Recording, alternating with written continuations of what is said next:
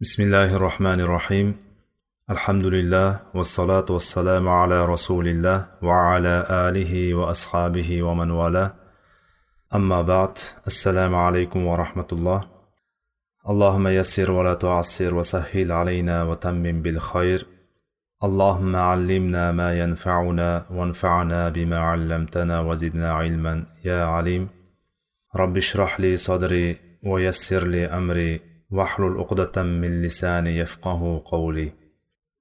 Alloh taologa hamdu sanolar bo'lsin. Mana bugun yana riyozi solihin kitobidan o'qiyotgan darslarimizda yana jamlanib turibmiz. Alloh taolo bu jamlanishliklarimizni xayrli oqibatli qilsin va olayotgan ilmlarimizni o'rganayotgan hadislarimizni manfaatli ilmlar jumlasidan qilsin.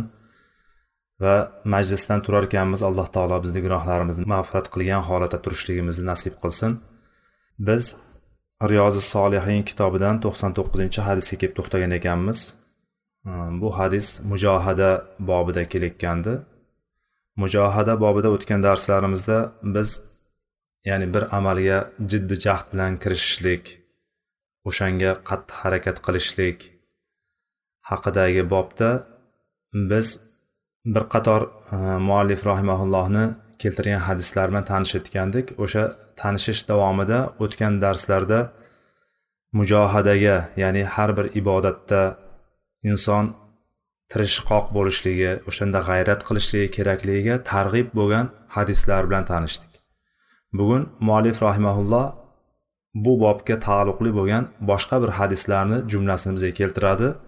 U ham bo'lsa bizni o'rnagimiz namunamiz imomimiz ustozimiz o'rnak bo'lgan kishimiz bo'lgan payg'ambarimiz sollallohu alayhi vasallamning ibodatlari haqida bizga xabar beradi to'qson to'qqizinchi hadisni oysha roziyallohu anhu rivoyat qiladilar an aishata roziyallohu anha أن النبي صلى الله عليه وسلم كان يقوم من الليل حتى تتفتر قدماه فقلت له لما تصنع هذا يا رسول الله وقد غفر الله لك ما تقدم من ذنبك وما تاخر قال افلا احب ان اكون عبدا شكورا متفق عليه وهذا لفظ البخاري متفق عليه hadis bo'lgan ya'ni imom muslim va imom buxoriy va buxoriy ikkalalari ittifoq qilgan hadis bu hadisni lafzi imom buxoriyni hadislari lafzi ekan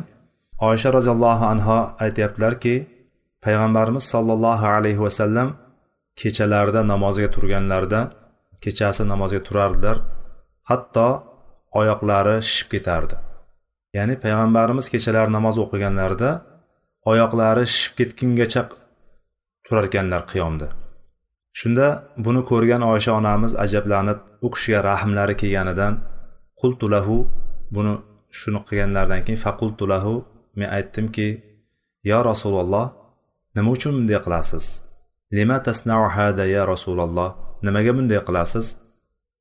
Holbuki sizni o'tgan gunohlaringiz ham kelajak gunohlaringiz ham ya'ni oldingiyu va keyingi gunohlaringiz hammasi kechirib qo'yilgan bo'lsa nimaga bunday qilasiz? deb turib savol berganlarida payg'ambarimiz sollallohu alayhi vasallam aytdilarki afala uhibbu an akuna abdan shakuran. Ya'ni ko'p shukur qilguvchi banda bo'lmayinmi deb turib javob bergan ekanlar. Mana bu hadisda bizga payg'ambarimiz sollallohu alayhi vasallam agarchi butun insoniyat sayyidi bo'lgan payg'ambarlarni ham sayyidi bo'lgan va allohni eng yaxshi biluvchi va allohga eng yaqin bo'lgan zotni holatidan bizga keltiryaptiki payg'ambar sallallohu alayhi vasallamda biz uchun go'zal namunalar bor edi. U kishiga ergashishlikka eng haqli zot bo'lgan payg'ambarimiz sollallohu alayhi vasallamni bu hadisda ham payg'ambarimiz sallallohu alayhi vasallamni holatlari ko'rsatilyaptiki agarchi gunohlari kechirib qo'yilgan bo'lsa ham alloh taolo buni qur'onida aytgan. Ya'ni e, payg'ambar sallallohu alayhi vasallamni avvaliyu oxir gunohlari kechirilgan zot edi. U kishidan zotan hamma payg'ambarlardan birontasidan katta gunohlar sodir bo'lganligi bo'lmagan. Ba'zan xato sifatida ko'rilgan kichkina gunoh sanaganimiz agar gunoh deb biladigan bo'lsak shunday gunohlar sodir bo'lganda ham alloh taolo o'sha paytni o'zida payg'ambarini ogohlantirgan payg'ambariga dakki bergan tanbeh bergan. Va payg'ambarlar o'sha paytda o'zi istig'for aytib turib allohga qaytishligi bilan tavba qilishliklari bilan alloh taolo ularni gunohlarini kechirgan. Payg'ambar sollallohu alayhi vasallamda ham qur'onda ham bir nechta o'rinlarda keladi. O'sha kelgan o'rinlarda ham payg'ambarimizni ollohni xohlaganidan tashqariga chiqqanligini ya'ni allohni aynan xohlaganini qilmaganligini payg'ambarimizga tanbeh sifatida kelgan oyatlar bor. Bu narsa payg'ambar sallallohu alayhi vasallamni ham bashar ekanligini payg'ambar sallallohu alayhi vasallam bizga o'xshagan inson bo'lganligi va ba'zan ba'zan unutib qo'yganligini va xato qilib qo'yganligini dalili bo'ladi bu narsa. Va alloh taolo payg'ambarimiz sollallohu alayhi vasallamni boshdan oxirigacha ya'ni oldingi gunohlarini ham o'tgan gunohlari agar ba'zan shu xatolar sodir bo'lib qolgan bo'ladigan bo'lsa o'sha xatolarni ham va undan keyingisini ham hammasini kechirib qo'ygan zotdir. Bu narsa faqat payg'ambar sollallohu alayhi vasallamgagina xos. Ya'ni payg'ambarimizga xos bo'lgan sifatlardan bittasi. Hech bir inson yo'qki boshqa hech bir inson yo'qki u qandaqa darajaga yetgan bo'lmasin qaysi martabada bo'lmasin qanday bir katta shayx bo'lib ketgan bo'lmasin kim bo'lishidan qat'iy nazar undan gunohlar hammasi avvaliy oxir gunohlari kechirilgan inson bo'lmaydi. Bu narsa qat'iy gap. Bu narsa hozirgi gunohlarni avvaliy oxir gunohlarni kechirilishligi payg'ambar sollallohu alayhi vasallamgagina xos bo'lgan sifat bu xislat bu. O'shanday zot ham ibodatda tirishqoq bo'lganligini ibodatda juda g'ayrat qilganligini hatto kechalari namozga turganida oyoqlari shishib ketganligini boshqa rivoyatlarda keladi hatto oyoqlari tovonlari yorilib ketganligi rivoyatlari keladi. Mana shuncha kuchli mana shunaqa alloh taologa shunchalik berilib alloh taologa yaqin bo'lishlik uchun shunchalik qattiq tirishib g'ayrat bilan ibodat qilganligini va o'zlarini shuncha qiynaganligini nafsini shunchalik darajada qiynaganligini so'raganlarida payg'ambarimiz sollallohu alayhi vasallam javoblari bitta bo'lgan.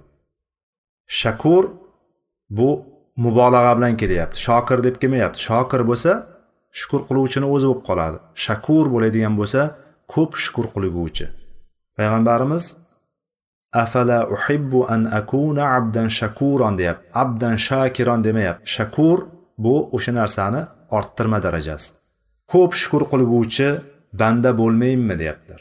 Haqiqatda bizga alloh taolo shuncha katta katta katta ne'matlarni berib tashladiki bu ne'matlarni biz sanaydigan bo'lsak sanog'ini adog'iga yetolmaymiz sanab oxiriga yetolmaymiz shunaqa ko'p ne'matlar berib tashlangan. Lekin o'sha berilgan ne'matlarni biz qanchasini ko'ryapmiz qanchasini ko'rolmayapmiz o'sha ko'rganimizga ham biz shukur qilyapmizmi shukur qilolmayapmizmi mana shu yerda ham mana shu o'rinda ham bitta masala bor. Biz ko'rib turgan shuncha ne'matlar berib qo'yilgan ne'matlarni biz qadriga yetyapmizmi yo'qmi? Qadriga yetishlik qanday bo'lishligini mana payg'ambarimizdan o'rnak olamiz. Payg'ambarimiz nima dedilar? Shukur qiluvchi bo'lmaymi deganidan yuqorisida nima turibdi? Kechalari namozda turganligi kelyapti. Oyoqlari shishib ketadigan qadar shishib ketgunigacha bo'lgan uzoq namozda turishliklari kelyapti. Payg'ambarimiz sollallohu alayhi vasallamni holatlari mana shunday bo'lgan. Payg'ambar sollallohu alayhi vasallam kechalari namozga turganligini aksariyat holatlarda oilalari bilgan. Shuning uchun bu rivoyatni ham oysha onamiz rivoyat qilib beryaptilar. Boshqa paytlarda boshqa sahobalarni ham yosh sahobalardan ba'zilari kelib turib payg'ambarimiz bilan birga namoz o'qiganliklari keladi. Undan boshqa holatda oiladagi uydagi holatini onalarimiz rivoyat qilib bergan bizga. Onalarimiz aytib bergan. Mana shu jumladan mana shu hadis ham kiradi va payg'ambarimiz sollallohu alayhi vasallam kechalari namozda doimiy bo'lganlar. Qiyomul laylda kechalari doimiy bo'lganlar.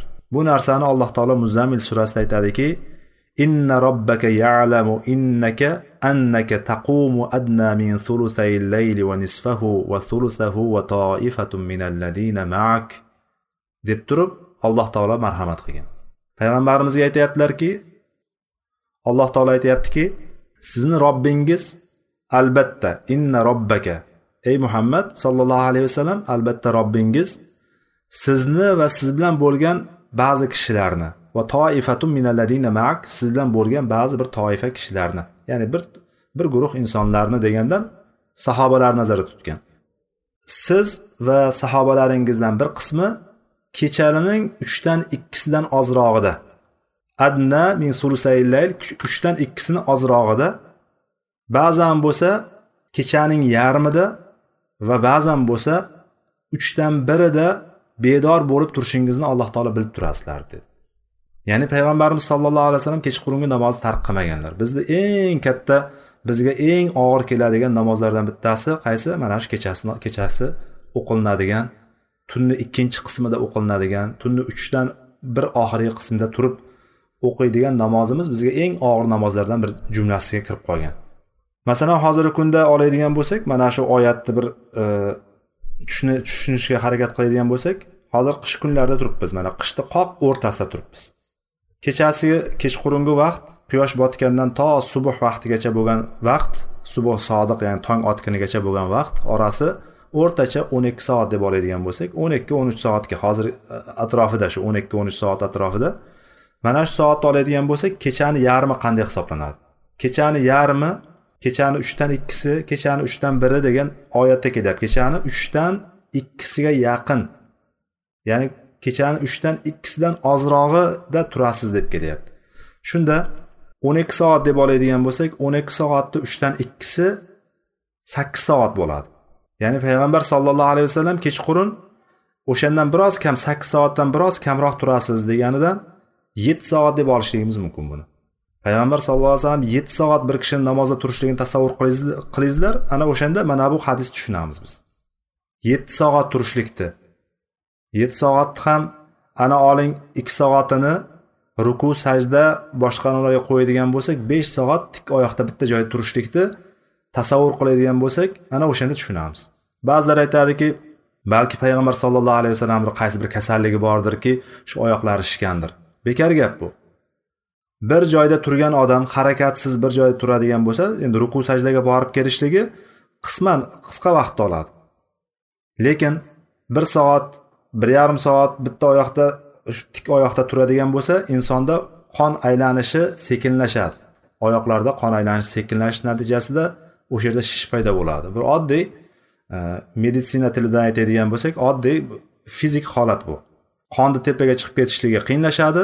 Borgan sari tomirlarda shishib tomirlarda o'tkazuvchanligi ortib to'qima orasiga kiradi va shish paydo bo'ladi. Oddiy mexanizm bu. Lekin ba'zilar aytadiki u hammaga ham xos bo'lmagandir. Lekin sen turib ko'r degan savolni berishlik kerak. Payg'ambarimiz sollallohu alayhi vasallam yetti soatlab turgan namozda.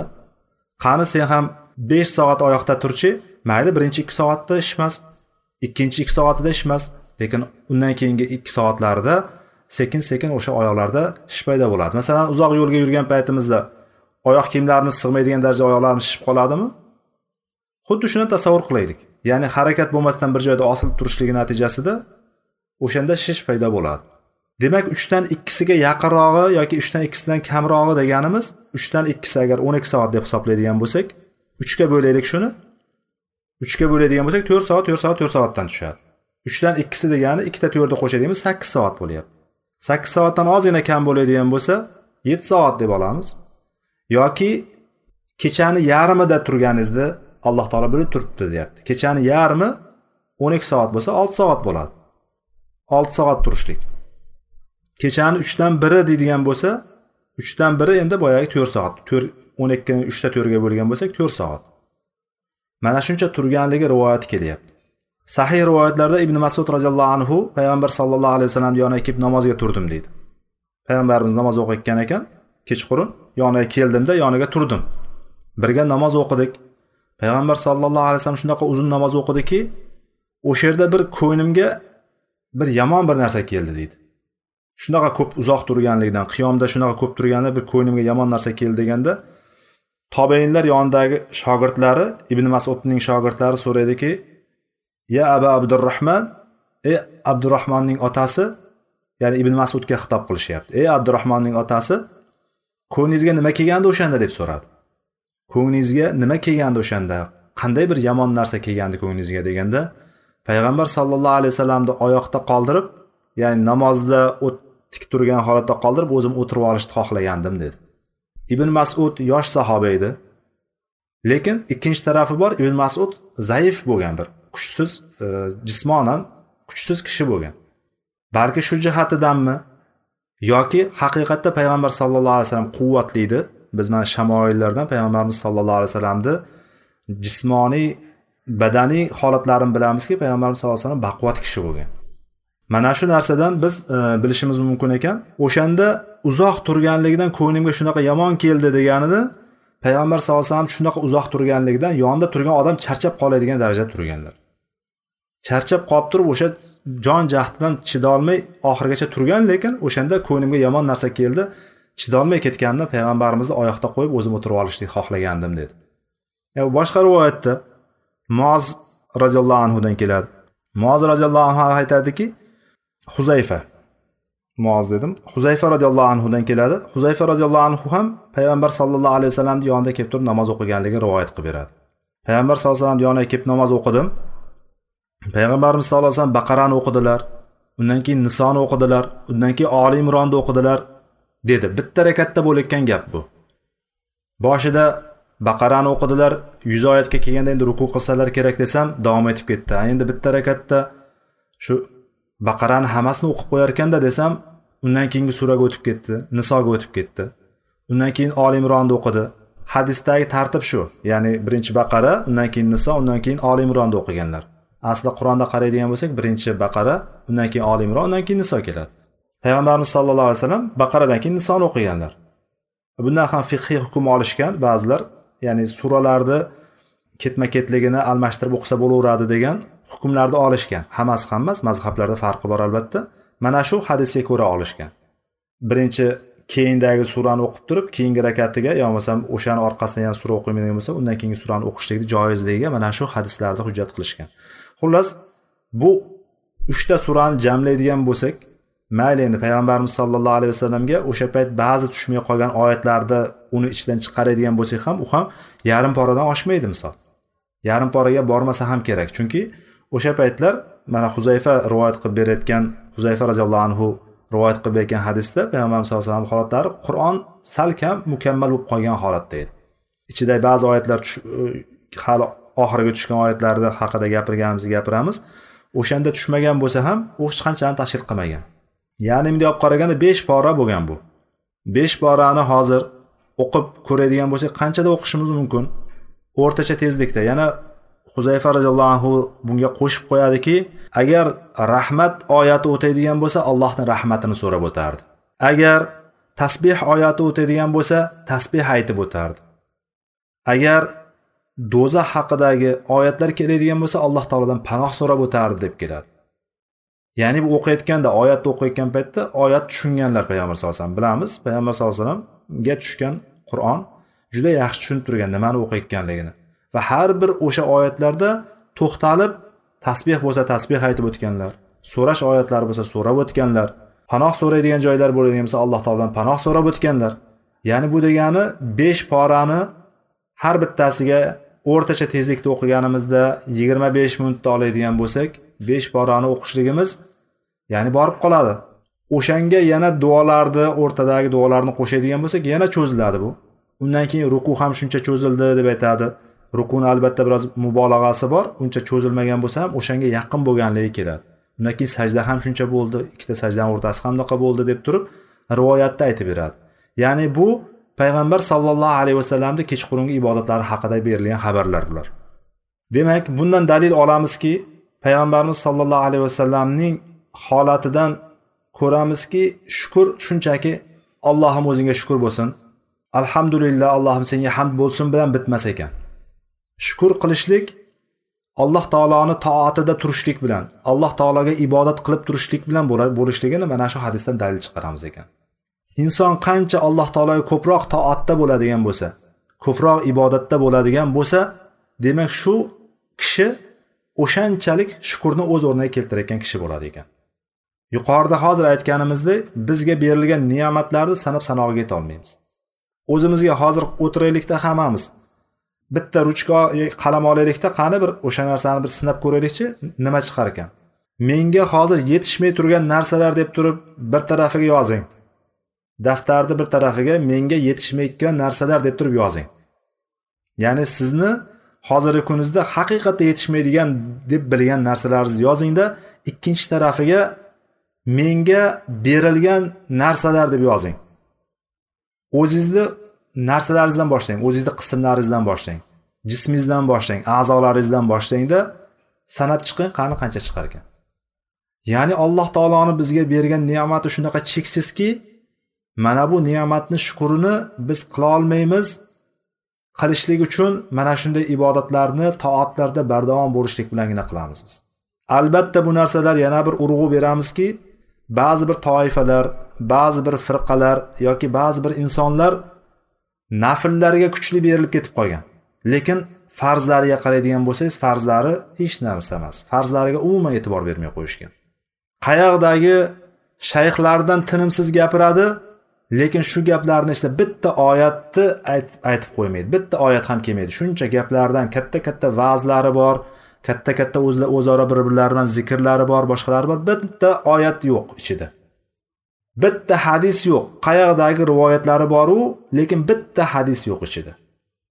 Topib olgan hadislari ham hammasi desam biroz mubolag'a bo'lib ketadi aksariyati zaif hadis uni ichida ham aksariyati yo'q hadis tagi yo'q mavzu hadisdir. Hammasini o'ziga dalil qilib olgan o'sha narsalar. O'shan bilan qalblarini sug'orib yuribdi o'shan bilan ular xotirjam bo'lib yuribdi o'shan bilan aldanib yuribdi. Sizga alloh taolo tushunadigan qalbni berib qo'ydimi? Aqlingiz rasomi shu oyatlarda hadislarni o'qigan paytingizda sizga bir ilhom kelyaptimi? Alloh taologa yaqinlashishlikka bo'lgan tortyaptimi sizni? Demak eng katta ne'matni mana shu ekanligini biling. Va mana shu ne'matga shukur qilishlikni bittan birdan bir yo'li biz ibodatda toatda mustahkam bo'lib turib davomli bo'lishligimiz. Albatta bu narsa hozir aytganimizdek o'tgan safargi hadislarimizda alloh taologa eng yaqin bo'ladigan alloh taologa yanada alloh taolo yaxshi ko'radigan biron bir narsa yo'q alloh taologa yaqinlashish mumkin bo'lgan alloh taologa yaqinroq bo'ladigan narsa yo'q illo farzlar. Farzlarni qilganchalik alloh taologa yaqin bo'la olmaymiz biz. Demak birinchi farzlarni joyiga keltirib qo'yib turib ana undan keyin nafllarni biz ko'paytirishligimiz kerak. Nafllarni qilganda ham biz nima qilishimiz kerak ekan? Payg'ambar sallallohu alayhi vasallamni o'rniga olib biroz o'zimizni qiynashligimiz kerak ekan. G'ayrat qilishligimiz kerak ekan. O'sha narsaga o'zimizni biroz bag'ishlashligimiz kerak ekan. O'zimizni nafsimizni qiynab ozgina ibodatga ko'proq e'tibor berishligimiz kerak ekan. Bu degani inson hamma narsani yig'ishtirib ibodatga kirib ketib qolishi degani emas. Bu narsa hali ibodatlarda o'rtacha bo'lishlik haqidagi boblar keladi. Ana o'shanda yanada yaxshiroq tushunib olamiz. Hozir biz bilganimiz demak inson o'zini ozgina qiynashligi kerak ekan. Qiynamasa bir narsaga erishish mumkin emas ekan. Bir narsani qiynaymiz o'shandagina bir narsaga erishamiz. Nafsimiz ozgina mashaqqat cheksin mashaqqat qiyin olsinki ertaga rohatda bo'lishligi uchun. Albatta buni orqasi rohati bor. Biz o'ylamaylik faqat men qiynalaman ekan faqat shunaqa ekan degan narsani o'ylamaylik. Nafsimiz qancha qiynalsa ertaga bizga shuncha yaxshi bo'ladi.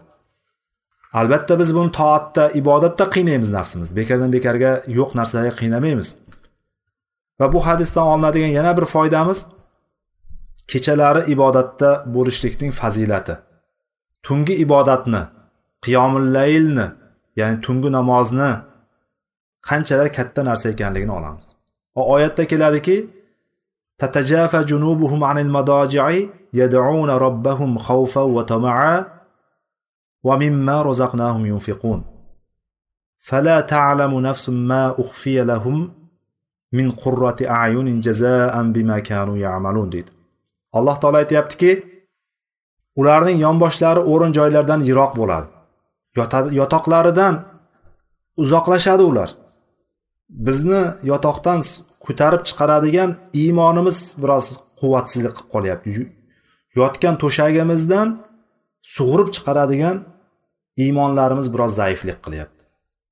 Agar iymonlarimiz quvvatli bo'lib alloh taologa bo'lgan intilishimiz shuncha yuqori bo'ladigan bo'lsa bizni qo'pol qilib aytganda ko'rpaga astar bo'lib yotishdan ko'ra ko'rpalardan sug'urilib chiqadigan insonlar qilib qo'yadi alloh taolo bizni.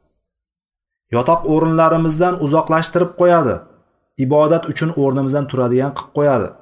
Ularni sifatlari nima bo'lyapti? Robbilariga qo'rquv va umidvorlik bilan. Qo'rquv va umid xavfa va tomaa. Xavf. Alloh taolodan qo'rqib va umidvor bo'lib turib duo iltijo qiladi ular. Va biz rizq qilib bergan narsalardan infoq ehson qiladi. Bizga berib turgan kelib turgan rizq o'zimiz topib olganimiz yo'q. Bu narsani ko'p ko'p takrorlaymizki shu narsa bizni qalbimizga sinsin. Biz o'zimizdan o'zimiz kelib qolayotgan yo'q. Bizga bir mol dunyo kelib qoladigan bo'lsa kasb qilib topib turgan pullarimiz ham o'zidan o'zi kelayotgani yo'q. Buni alloh taolo beryapti bizga. Dehqonchilik qiladigan bo'lsak dehqonchilikda o'sha ekib qo'ygan urug'imizni unishligi o'nta urug' ekadigan bo'lsak shundan beshtasini yoki ikkitasini yoki bittasini unib chiqishligini kim ta'minlaydi? Kim xohlasa olloh xohlasagina unib chiqadi dehqonchilikni dehqonchilik bilan shug'ullanganlarni tavakkuli katta bo'ladi. O'shalarga alloh taoloni ne'matlarini alloh taoloni qudratini alloh taoloning mana shu borliqdagi qonunlarini ularga tushuntirsangiz bizdan ko'ra yaxshiroq tushunadi. Chunki ular doimiy ekkandan keyin o'z o'zidan bo'lib qolmasligini o'sha narsani o'nta eksa hammasi birdan ko'karib chiqmasligini o'shani parvarish qilmasa bo'lmasligini hammasini ular tavakkul bilan qiladi hammasini.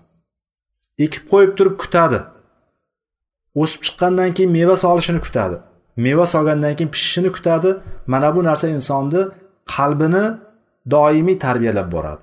Ularga alloh taoloni qonunlarini alloh taoloning qudratini eslatadigan bo'lsangiz ular osongina qabul qiladi. Rizq qilib bergan narsalardan infoq qilishligi inson go'yoki hammasini o'zi topib olayotganga o'xshaydi. Lekin sizga kimnidir qo'li bilan kelayotgan bo'lishligi mumkin? Yoki ishlab topayotgan bo'lishligingiz mumkin? Yoki ishlaganda ham eshakday ertadan kechgacha ishlab topayotgan bo'lishingiz mumkin lekin siz uni o'zingiz ishlab turib topolmayapsiz uni? Ishlayapsiz to'g'ri. Lekin olloh bermaydigan bo'lsa qayerdan topasiz? Qancha qancha ertadan kechgacha hayvonlar mana shu eshak deb turib biz doimiy timsol qilib ishlatamiz misol qilib ishlatamiz shuni. Chunki u haqiqatda eshakka ortiqcha yuk bilan doimiy ishlatiladigan hayvon bo'lganligi uchun. O'sha eshakdan ham battar ishlaydiganlar borki lekin topayotgan maoshlari olayotgan oyliklari buyoqda hech narsa ish qilmayotganligidan bir necha yuz barobar kerak bo'lsa oz bo'lgan narsa kishilarniki bor. Bu narsa qayerdan kelyapti? Alloh taqsimoti bu. Olloh xohlaganiga xohlaganini beradi. Kimnidir rizqini keng qilib qo'yadi kimnikini tor qilib qo'yadi. Lekin mo'minlarni sifati kechalari yotoq o'rinlardan uzoq bo'lib turib namoz o'qiydigan va robbilariga qo'rquv va umidvorlik bilan duo iltijo qiladigan insonlarning yana bitta sifati ular rizq qilib berilgan narsadan infoq qiladi. Va yana bir shu narsa borki kim allohning yo'lida rizq o'sha infoq qiladigan bo'lsa alloh taolo xuddi uni shunaqa o'xshatish qiladiki bizni ko'z oldimizga shunday gavdalansin u. Bitta urug' bitta urug' unda yettita boshoq bor. Yettita ta har bittasida miyatu habba har bittasida boshoqda yuztadan don unib chiqqanga o'xshaydi deydi. Ya'ni biriga yetti yuz barobar ko'payishligini alloh taolo donni misolida keltiradi. Bitta urug'dan bitta shox o'sib chiqyapti boshoq o'sib chiqyapti. O'sha boshoqni har birida yettita boshoq bo'ladi deymiz har bittasi yuztadan bor. Mana bu narsani biz tasavvur qilishligimiz kerak. Sadaqotlar berayotgan ehsonlarimiz bizni molimizni kamaytirmasligini bilaks bu narsa bizni rizqlarimizni bizni qo'limizdagi boyligimizni ziyoda qilishi qiluvchi ekanligini biz bilishligimiz kerak shu narsa bo'lmasam qo'limizda katta katta pullarimiz borda faqat o'zimizni o'ylaydigan bo'lsak faqat o'zimizni oilamizni o'ylaydigan bo'lsak bola chaqamni deb turib boshqa bilan hech ishimiz bo'lmaydigan bo'lsa o'ylamaylik bu narsa chiqmayapti deb turib. Hammasini o'zim ishlatyapman deb o'ylamaylik. Boshqa tarafdan chiqib ketayotganini biz ko'rmaymiz. Biz agar o'shani qo'limizda deylik besh yuz so'm pulimiz bor yoki besh yuz dollar pulimiz bor. O'shandan o'n yoki yigirma yoki elligini chiqaradigan bo'lsak bizga o'sha birinchidan savob katta savob olib kelishligi bilan birga ikkinchidan o'sha molimizni muhofaza ham qiladi barakasini ham beradi. A ikkinchi tarafdan bo'lsa biz o'shani umuman bermaydigan bo'lsak boshqa tarafdan o'pirib chiqib ketadi. Bilmaymiz biz bu narsani. Lekin biz o'sha narsani ko'ra olmaymiz. Bir kasallik keladida shunday o'zi yaxshi bo'lib ketadigan allohni izni bilan shunday shifo shifo allohdan shunday yaxshi bo'lib ketadigan kasalligimiz biroz og'irroq cho'ziladida olmagan dorimizu olmagan ukolimiz qolmaydi o'shan bilan chiqib ketib qoladi boyagini bir necha baravari bo'lib chiqib ketib qoladi. Lekin biz bu narsani tasavvur qilmaymiz. Bu narsani men shu narsani baxilligim xasisligim sababli bu narsa kelyapti deb bilmaymiz bu narsani mana bu narsalarni biz tasavvur qilishligimiz kerak va mana shu sifatlarga alloh taolo oyatda aytgan kishilarni sifatiga tushishimiz kerak o'zimizni o'shanga moslashimiz kerak.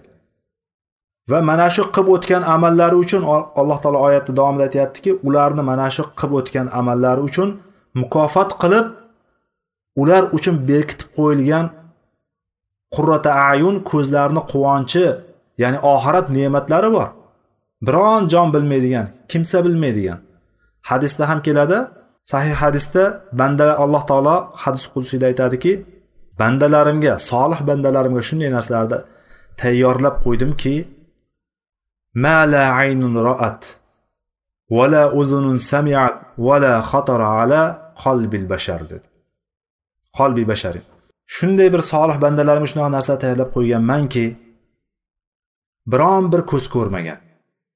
Ya'ni insonni ko'zi hech qaysi ko'rmagan ne'matlar narsalar borki ko'rgan paytda insonni xushnud qilib bahri dilini ochib yuboradigan narsalar bor. Va quloq eshitmagan. Biz hozir agar dunyoni narigi chetida biron bir narsa bo'ladigan bo'lsa eng zo'r chiroyli bir e, odamlar ishlab chiqqan ba'zi bir narsalarni salovatlariga qarab turib o'ynaydigan fontanlarni ko'ryapmiz yoki boshqa har xil dunyoni mo'jizalari degan narsalarni biz ko'ryapmiz yoki eshityapmiz. Borib kelgan odamlar aytib beryapti. Internetni ochadigan bo'lsangiz televizorni ochadigan bo'lsangiz qo'yadigan bo'lsangiz hamma narsa ochiqchasiga aytib ko'rsatib turibdi. Biz ko'ryapmiz eshityapmiz. Lekin alloh taolo solih bandalariga atab olib qo'ygan tayyorlab qo'ygan narsalarini biron bitta ko'z ko'rmagan bo'ladi. Biron bitta quloq eshitmagan bo'ladi. Yanada ajablanarlisi shundaki insonni hayratga qo'yadigan narsasi insonni xayoliga ham kelmagan narsalar bo'ladi. Siz xayolingizga rohat bag'ishlaydigan narsalarni o'ylang. Nima bo'lsa agar inson fantaziyor bo'ladigan bo'lsa fantaziyasi kuchli romantik odam bo'ladigan bo'lsa ancha narsalarni uydirishligi mumkin. Lekin o'sha uydirgan o'sha fantaziyachilarni eng ko'p uydirganidan ham ko'ra nima? O'shandan ham uydira olmaydigan narsalar bo'ladi. Chunki biron bir bashar basharni ichiga hamma kirib ketadi. Basharni qalbiga basharni ko'ngliga kelmagan xayolidan xayol ko'chasidan bir marta ham o'tmagan narsalarni alloh taolo hozirlab qo'ygan biz uchun. Buning uchun nima qilish kerak? Buning uchun biz ibodatlarda mustahkam bo'lishligimiz kerak. Bir birimizni ibodatga chaqirishligimiz kerak. Bir birimizga mana shunday darslarni davomiy eslatishimiz kerak. Fadakkir fa inna zikro tanfaul mu'minin deydi alloh taolo. Eslating chunki eslatma mo'minlarga manfaat tegadi mo'minlarga foydasi tegadi. Mo'minlar o'sha eslatmadan foyda oladi. Alloh taolo bizni mo'minlardan qilsin. Eshitganda o'shandan foyda oladigan mo'minlardan qilsin undan keyingi hadis bir yuz birinchi hadis.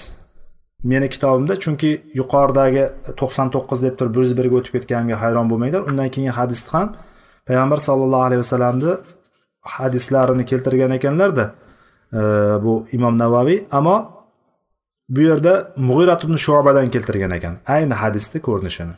Bu hadisni hozir oysha roziyallohu anhu rivoyat qilib berdilar. Undan keyingi yuzinchi hadisda xuddi shu ko'rinishda bu ham buxoriy va muslim rivoyatda kelgan ekan. Mug'irat ibn shuba rivoyat qilib bergan ekan. Payg'ambarimiz men shukur qilguvchi banda bo'lmayinmi degan ko'p shukur qilguvchi banda bo'lmayinmi degan ma'nodagi hadisni mug'irat ibn shubadan rivoyat qilingan ekan. Endi bir yuz birinchi hadisni yana oysha roziyallohu anhu rivoyat qilyaptilar. Yana payg'ambar sollallohu alayhi vasallamning u kishini holatlari zikr qilinyapti yana bizga. o'qishini oiladagi uydagi holatlari zikr qilinyaptiki buni ham onalarimiz rivoyat qiladi albatta.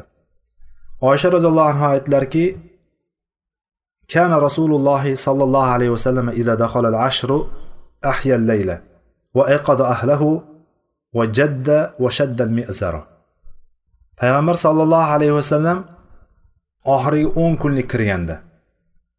Oxirgi o'n kunlik daholar ashuru deb ketdi bu yerda. Bu oxirgi o'n kunlik degandan biz bilamiz o'n kunliklar ikkita bor.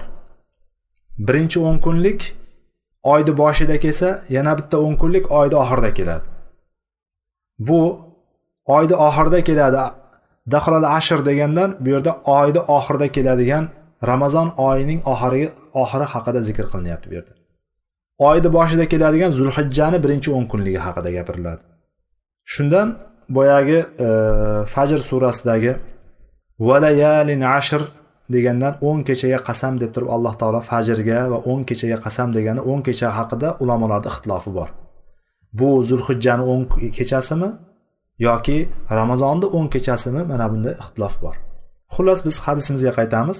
Payg'ambar sallallohu alayhi vasallam bu ramazon haqida gapirilyapti bu yerda. Ramazonni oxirgi o'n kechasi kirganda o'n kuni kirganda ahyallayla kechani ihyo qilardilar. Ya'ni kechalari bedor bo'lib ibodat bilan o'tkazardilar. Va ayqoda ahlahu va ahllarini oilalarini uyg'otardilar.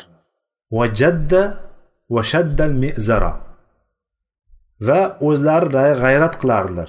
Mana shu ibodat qilishlikka tirishqoq bo'lardilar. Jiddu jahd qilardilar. Va shaddal mezaro va belbog'larini mahkam bog'lardilar. Muttafaqun alayhi hadis ekan. Boyagi holatni yuqorida oysha onamiz rivoyat qilgan oyat e, hadisda payg'ambar sallallohu alayhi vasallamning odatiy kundagi holatlari zikr qilindi. Kechalarda bo'ladigan holatlari zikr qilindi. Payg'ambar sallallohu alayhi vasallam har bir narsaga o'z haqqini berganlar. Har bir narsani qadrini o'ziga berganlar qadrli olganlar har bir narsani. Oilalariga ham vaqt ajratganlar o'zlariga ham vaqt ajratganlar ummatga ham vaqt ajratganlar hammasini o'z o'rnida qilganlar. Va o'sha o'zi uchun ajratgan vaqtlaridan bittasida kechani olloh bilan o'zi o'rtasidagi bir vosita bo'ladigan ibodatlar bilan o'tkazgan. Kechqurun ibodatlarni o'tkazgan bir qismini. Hammasini emas payg'ambar sollallohu alayhi vasallam kechani hammasini ibodat o'tkazmaganlar. Shuning uchun sahobalardan ba'zilari kelib turib payg'ambarimizni xonadonidagi holatlarini ko'rib uyda qanday ko'chadagi holatlari ma'lum endi payg'ambar sallallohu alayhi vasallam sahobalar bilan ko'chada masjiddagi ibodatlari jihoddagi holatlari ko'cha ko'ydagi yurish turishlari hammasi ma'lum edi. Endi uyda bundan ortiq biron bir ibodat qilarmikan deb turib sahobalar kelib ikkita uchta sahoba kelib turib rivoyatlarda uchta ekanligi rivoyat qilinadi. Kelib turib payg'ambarimizni xonadondagi qanday ibodatlarini bir tekshirishadi ko'rishib so'rashgandan keyin hammasini ko'rib turib ular payg'ambarimizni ibodatlarini oz sanaydilar. Kam bu ibodatlar deydi. Payg'ambarga kam emas biz uchun kam deb aytadilar. Nimaga? Payg'ambar sallallohu alayhi vasallamni avvaliy oxir gunohlari kechirib qo'yilgan. U kishiga mana shu ibodatlar yetarli deydi. Ammo biz deydi xato qilamiz. Bizni gunohlarimiz kafforat qilib qo'yilmagan hech kim kafilligi olmagan. Shuning uchun biz yanada ko'proq ibodat qilishligimiz kerak degan o'zlari bir ishtihod qiladilar bir fikrga kelishadi. Shunda bittasi aytadiki men deydi kechasidan umuman uxlamayman deydi. Uxlamayman degani faqat uxlab televizor ko'rib chiqishlik emas yoki uxlamasdan turib gaplashib gap sotib chiqishlik emas yoki bir o'yin o'ynab chiqishlik emas ibodat bilan o'tkazaman deydi. Kechasi umuman uxlamasdan ibodat qilib chiqaman deydi. Namoz o'qiydimi qur'on o'qiydimi xullas ibodatni o'tkazaman kechasi uxlamaslikdan maqsad ibodatni o'tkazishlik. Ikkinchisi aytadiki umuman ro'zamni ochmayman deydi. Ro'zamni ochmayman degani u inson kechga borib turib iftor qilmayman degani emas. Har kun ro'zador bo'laman deydi u. uchinchisi aytadiki men deydi ayollarga yaqinlashmayman deydi uylanmasdan o'taman deydi bo'ydoq o'taman deydi chunki inson uylanadigan bo'lsa vaqtini aksariyati oilaga ketib qoladi vaqtini aksariyati oilaga ketadi boshida bir ikki kishi bo'ladi keyin uch kishi keyin to'rt kishi keyin besh kishi boraveradi qayergacha borsa xullas lekin bir o'zi bo'lgandagi g'ami ikki kishi bo'lgandan keyin ikkiga ko'payadi. Uch kishi bo'lgandan keyin uchga ko'payadi borgan sari oila tashvishlari bilan ro'zg'or degandek g'or o'ziga yutib yuboradi. Ishlayman deydi nafaqa qilaman deydi kelib turib bular bilan ozgina o'tiraman deydi boshqa xullas vaqtini aksariyatini oila oladi. Shuning uchun bular ibodatga ko'proq vaqt ajratishlik uchun ko'proq ibodat qilib qolishlik uchun mana shu narsalar tanlanadi shunda shunday shunday deyishdida onalarimizga shunaqa deb aytib ketdi biz mana shunday qilamiz bunisi bunday qilamiz bittasi bunday qilamiz dedida ketishdi ular. Shunda payg'ambar sollallohu alayhi vasallam kelganlaridan keyin onalarimiz xabar berdi mana shu uch kishini holatidan bittasi mana shunaqa deb ketdi ikkinchisi bunaqa uchinchisi bunaqa deb ketdi dedi. Shunda boyagilar chaqirtirdi.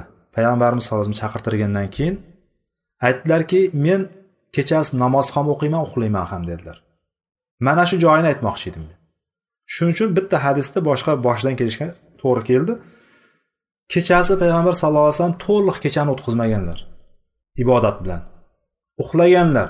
Yuqoridagi oyatda ham uchdan ikkisidan ozrog'ida yoki uchdan birida yoki yarmida payg'ambar sallallohu alayhi vasallam ibodat ibodat qilganlar qolgan bir qismida uxlaganlar va agar oilalariga ehtiyoji bo'ladigan bo'lsa oilalariga ham o'sha qadr o'zini haqqini berganlar. Ikkinchisiga qarab aytdiki men dedi ro'za tutaman ham tutmayman ham dedi. Ya'ni e, nafl ro'zalar haqida gap gap gap ketyapti. Buni yana bir e'tiborga qaratamiz. Farz ro'za haqida gap so'z bo'lishi mumkin emas. o'ttiz kunmi yigirma to'qqiz kunmi necha kun bo'ladigan bo'lsa e, o'shani to'liq tutiladi buzmasdan. Lekin nafl ro'zalar haqida ya'ni bir xohlagan paytim ro'za tutaman lekin ro'za tutmagan kunlarim ham bo'ladi dedilar. Rivoyatlarda payg'ambarimiz sallallohu alayhi vasallamni holatlari keladi. Payg'ambar sallallohu alayhi vasallam bir ro'za tutib boshlaydigan bo'lsa biz aytardikki endi umuman ochmasa kerak doimiy ro'za bo'lsa kerak deb o'ylardik deydi lekin payg'ambar sallallohu alayhi vasallam bir ro'za tutmaslikni boshlaydigan bo'lsa endi umuman ro'za tutmasalar kerak bundan keyin deb o'ylardik deydi mana bu payg'ambarimizni holatlari bo'lgan keyin uchinchisiga qarab turib men ayollarga nikohlanaman dedilar. Ya'ni bu meni yo'lim mana shu dedilar. Shuni aytib mana bu mening sunnatim kim mening sunnatimdan yuz o'giradigan bo'lsa kim mening sunnatimdan boshqa yo'lni tanlaydigan bo'lsa mendan emas dedilar. Ya'ni inson o'zini ortiqcha harakat qilishlikka o'zini ortiqcha ibodat qilishlikka undaydida allohga yanada yaqinroq bo'lay deydida lekin sunnat doirasidan chiqib ketib qolmasligi kerak bu narsa. Payg'ambarimiz olib kelgan yo'ldan chiqib ketib qolmasligi kerak. O'sha yo'l doirasida bo'lishligi kerak. Chunki alloh taoloni eng ko'p tanigan alloh taolodan eng ko'p taqvo qilgan kishi payg'ambar sallallohu alayhi vasallam. Shunday ekan u kishi mana shu yo'lni tanlaganmikan demak mana bu yo'l alloh taologa eng suyukli yo'l bo'lgan hisoblanadi. Oysha onamizdan keyingi rivoyatda payg'ambarimiz sallallohu alayhi vasallam insonlarni bu ishga bu ishga buyurardilar. Toqati yetadigan ishga buyurardilar. Ular toqatlariga qaragan bizni kuchimizga qaragan. Keyin odamlar aytishdiki siz bilan biz bir xilmasmiz. Siz boshqasiz biz boshqamiz dedi. Ya'ni sizni gunohlaringiz kechirilgan demoqchi sizni gunohlaringiz kechirilgan deb turib shunaqa deganda payg'ambar sollallohu alayhi vasallam jahllari chiqdilar. Jahllari chiqqanligi ular payg'ambar sallallohu alayhi vasallam gunohlari kechirilgan shuning uchun mana shunaqa bir kamroq ibodat qilsam bo'laveradi degan tushunchaga kelib qolganligi uchun payg'ambarimiz jahllari chiqqanlar. Shunda aytadilarki sizlarni ichlaringizda allohga eng ko'p taqvo qiluvchi allohdan eng ko'p qo'rqadigan zot menman. Va allohni ko'proq biladigan zot menman deydi. Buni nimaga aytdilar? Ya'ni meni yo'lim allohga eng yaqin bo'ladigan yo'l. Allohni muhabbatini qozonadigan yo'lni eng yaxshisi meni yo'lim deganlar payg'ambar sallallohu alayhi vasallam. O'sha narsa kelib chiqadi. Lekin mana bu hadisda payg'ambar sallallohu alayhi vasallam oxirgi o'n kunlik kiradigan bo'lsa ahyallayla dedi. Kechani bedor o'tkazardilar payg'ambarimiz sallallohu alayhi vasallam yil o'n ikki oyni ishini shunday oladigan bo'lsak mana bu hadislarga hadisdan kelib chiqadigan xulosa bilan e, biz hozir umumiy yil o'n ikki oyni ichida bo'ladigan holatini gapirdik. Endi ramazonda oxirgi o'n kunlik kiradigan bo'lsa payg'ambar sallallohu alayhi vasallam kechasini butunlay butun kechani bedor o'tkazganlar ibodat bilan. Va payg'ambarimiz sallallohu alayhi vasallamni odatlari sunnatlari shu ediki ramazonda oxirgi o'n kunlikda e'tikof qilardilar. E'tikofga kirardilar. E'tikof deganimiz masjidda ibodat bilan o'tirishlik. Hech narsa ya'ni zaruriy hojatlarsiz tashqariga chiqilmaydi. O'sha yerda masjidda uxlanadi masjidda ibodat qilinadi zikr qilinadi qur'on o'qilinadi. Butun o'sha o'n kunni masjidda o'tkazadi.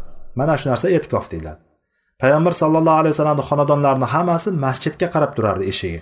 O'tgan safarlar ham o'tgandik bir parda bo'lardi. Bu yerdan qanday bo'lmasam masjidda o'tiradigan bo'lsa qanday oilasini uyg'otgan degan savolga javob bermoqchiman. Va ahlahu va payg'ambarimiz sallallohu alayhi vasallam oilalarini uyg'otganlar. Demak uylariga kirmaganlar. Pardadan balki boshlarini kirgizib turib uyg'otganlar. Biznikiga o'xshab turib darvozadan kirsa yana bir ellik metr ichkariga kiradigan yoki bo'lmasam katta eshikdan kallamizni kirgizadigan bo'lsak narigi xonalariga eshitilmay qoladigan darajada bo'lmagan. Bitta xonagina bo'lgan. Bir kishi turib ibodat qiladigan bo'lsa oysha onamiz yotganlar payg'ambarimiz sallallohu alayhi vasallam namoz o'qiganlarida oysha onamizni oyoqlarini surib qo'yib turib sajda qilganlar. Ya'ni shunaqa kichkina joy bo'lgan. Bashariyatni sayyidi mana shunday holatda bo'lgan u kishini holati. Va ahallarini uyg'otardilar nima uchun? Chunki oxirgi o'n kechada qadr kechasi bor. O'zlari umuman uxlamayaptilar e'tibor beraylik. Payg'ambarimiz sallallohu alayhi vasallamni kechasi umuman uxlamayaptilar o'zlari. Ibodat bilan e'tikofda o'tiribdilar uxlamayaptilar. Lekin ahallarni uyg'otyapti degani ahallar uxlaganligi kelib chiqadimi bundan? Uxlamagan odamni uyg'otmaymizku to'g'rimi? Bundan ahallar uxlagan ahallarni uyg'otgan. Bizdagi o'xshab teskari emas. Erkaklar uxlab ayollar kelib uyg'otishligi emas. Payg'ambar sollallohu alayhi vasallam oilalarini ayollarini uyg'otganlar. Ibodatga uyg'otganlar. Chunki o'sha kechalarda qadr kechalari bor oxirgi o'n kunlikda. Oxirgi o'n kunlik tog' kunlarida deb aytiladi lekin payg'ambar sallallohu alayhi vasallam oxirgi o'n kunlikni hammasini bedor o'tkazganlar ibodatdan va jadda va ibodatda tirishganlar ibodatda g'ayrat qilganlar va bellarini mahkam bog'laganlar. Bellarini mahkam bog'lagan deganda shaddal izorodan ulamolarni ikkita fikri bor.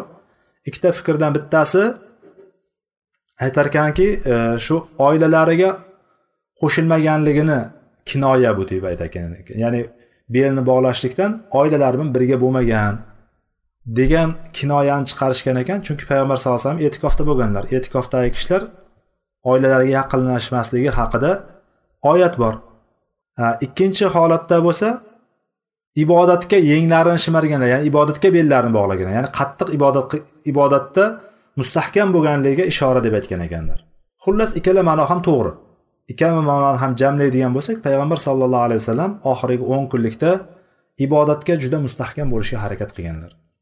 Ya'ni bu yana bir ko'rinishni bizga beryaptiki agar biz ramazon oyiga yetib boradigan bo'lsak alloh taolo o'sha kunlarga bizni yetkazadigan bo'lsa mana bu hadislardan istifoda olgan holatda mana bu hadislardan foyda olgan holatda nima qilishligimiz kerak ekan? Oxirgi o'n kechani imkonimiz boricha kuchimiz yetganicha o'sha kechalarni hammasini tiriltirishlikka o'shani hammasini bedor o'tkazib ibodat bilan ibodat qilishlikka va xosatan tog' kechalarida yanada qattiqroq e, e'tiborli bo'lishligimizga undaydigan hadislar ekan. Payg'ambarimiz sollallohu alayhi vasallamni holatlari ramazonda o'zi payg'ambar sallallohu alayhi vasallam juda saxovatli kishi bo'lgan. Shunaqa saxovatli yaxshiliklarga shoshiluvchan kishi bo'lganki ramazonda o'sha narsa yanada ortib ketgan. Ramazonda yanada saxovatli bo'lib ketib qolardilar yanada yaxshiliklarga shoshiluvchi bo'lib ketib qolardilar. Ramazon kechalarida keyin jabroil alayhissalom bilan payg'ambarimiz sallallohu alayhi vasallam qur'on dars qilganlar. Qur'onni o'zaro dars qilganlar.